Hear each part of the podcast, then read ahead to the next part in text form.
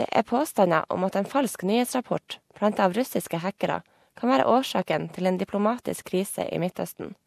Antall land som har kutta bånd med Qatar har økt, idet Mauritania også har brutt sine forbindelser med landet. Lastebiler, som normalt sett strømmer over den saudiske grensen for å levere viktig mat og forsyninger til Qatar, har stoppet opp pga. den forverrede diplomatiske krisen.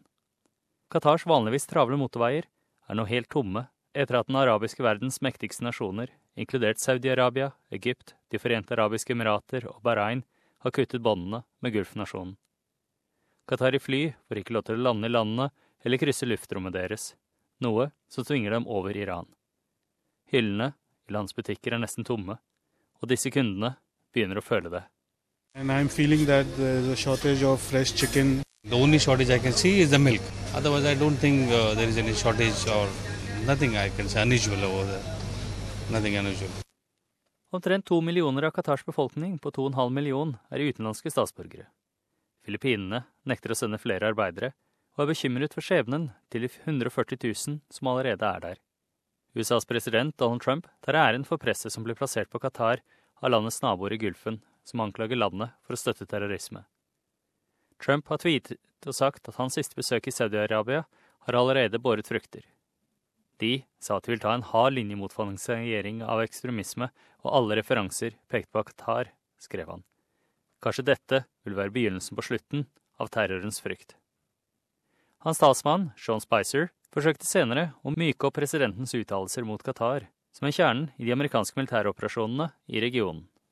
The president had a very, very constructive conversation with the emir during his visit in Riyadh. Uh, at that time, he was very heartened by the emir's commitment uh, to formally joining the Terrorist Financing Targeting Center uh, and showing their commitment to this, to this issue. Og det er nå spekulasjoner om at Russland kan stå bak krisen, med påstander om at en falsk nyhetsrapport plantet av hackere bidro til kaoset.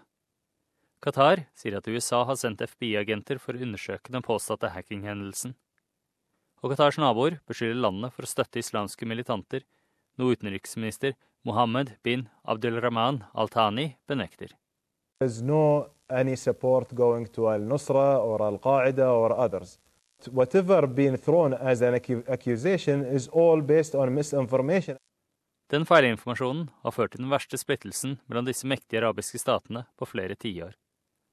Saudi-Arabias utenriksminister Adel al-Jubeir sier at Qatar må ta flere skritt, herunder å avslutte sin støtte til den palestinske gruppen Hamas og Det muslimske brorskapet for å gjenopprette båndene.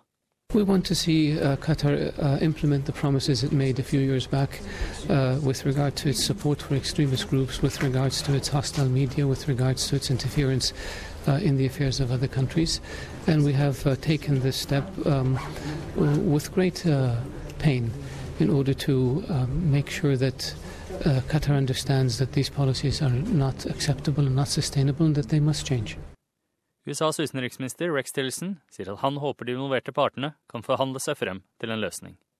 Denne saken var lagt av Gareth Borham og Eileen Phillips på SBS norsk. Jeg er Frank Mathisen.